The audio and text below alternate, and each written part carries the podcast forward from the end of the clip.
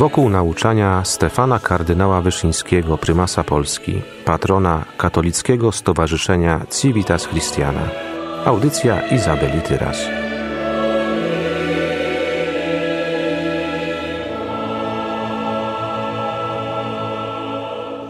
Może nasze słowa nie zawsze są najlepiej dobrane, ale to, co serce wobec Was czuje, to sam jeden Bóg widzi.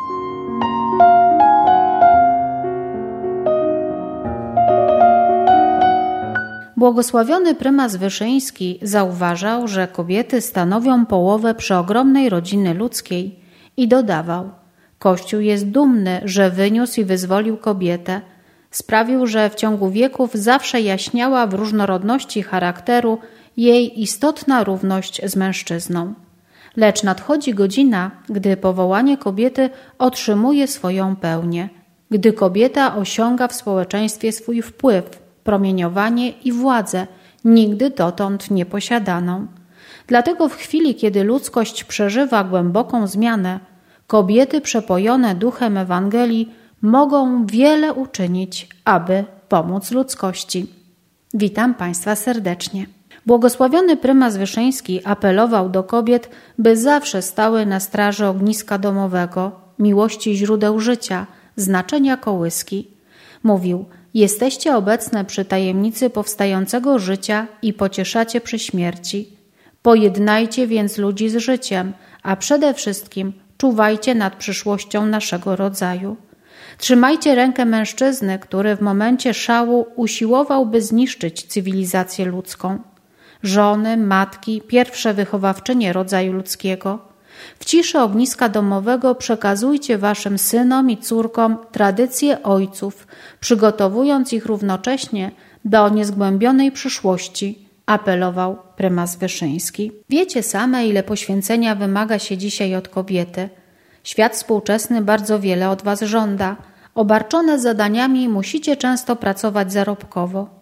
Jest w tym zrzucenie na barki kobiety obowiązków podwójnych, pracy wychowawczej i zarobkowej, a jednak sobie radzicie, pomagacie wszystkim.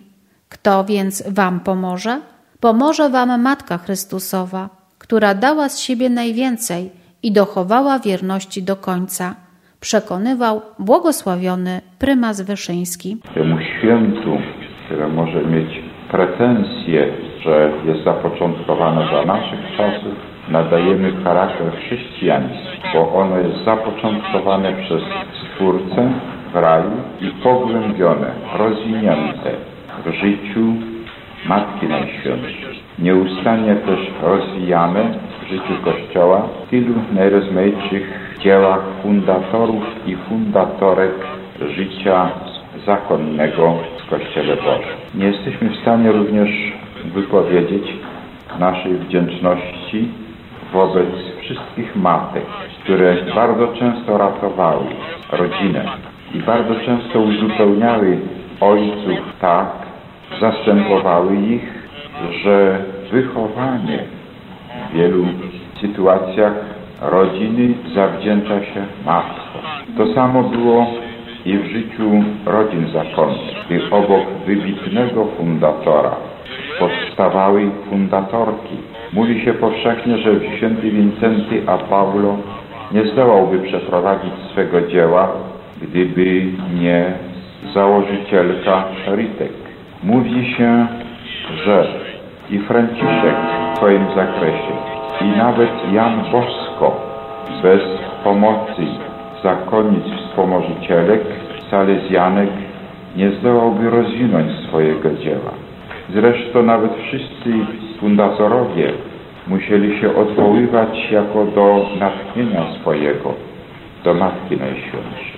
I stamtąd czerpali przedziwną moc tej służebnicy pańskiej, od której się uczyli, jak służyć. W współczesnym położeniu Kościoła w Polsce bardzo często to stwierdzają biskupi na konferencjach, że nie wyobrażamy sobie po prostu funkcjonowania wielu działów życia kościelnego bez pomocy zakonnic.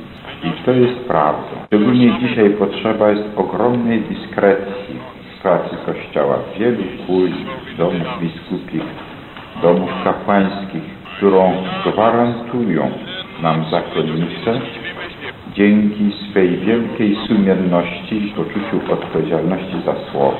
Idzie o naszą rodzinę domową, wielokrotnie miałem możliwość już dać wyraz swej wdzięczności Wam, drogie matki i siostry, za Waszą obecność i za Waszą współpracę. I podkreślam to dzisiaj. I dlatego dla nas w tym domu to ta, ten podwieczorek nie ma charakteru tylko okolicznościowego, ale jest jakimś, jakąś sposobnością do wypowiedzenia nam tego wszystkiego, co w potocznym życiu może się wypowiedzieć nie da. Życie potoczne jest rozpędzone, szybkie, biegnie.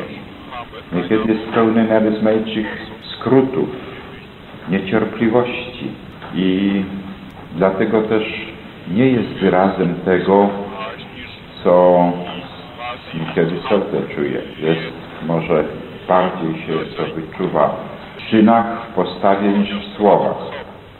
Może nasze słowa nie zawsze są najlepiej dobrane, ale to, co serce wobec Was czuje, to sam jeden Bóg.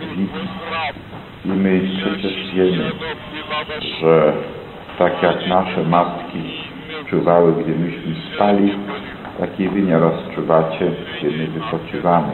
I że zwalamy na was w ostatniej nieraz chwili takie obowiązki, których my byśmy nie przeprowadzili, bo my musimy się wyspać, bo taka już jest słabość tej mocnej krwi, że jak się nie wyśpi nie pożywi, no to trudno z nią wytrzymać. A wy wszystko musicie wytrzymać i wytrzymujecie tak długo. I za to Wam dzisiaj chcemy podziękować.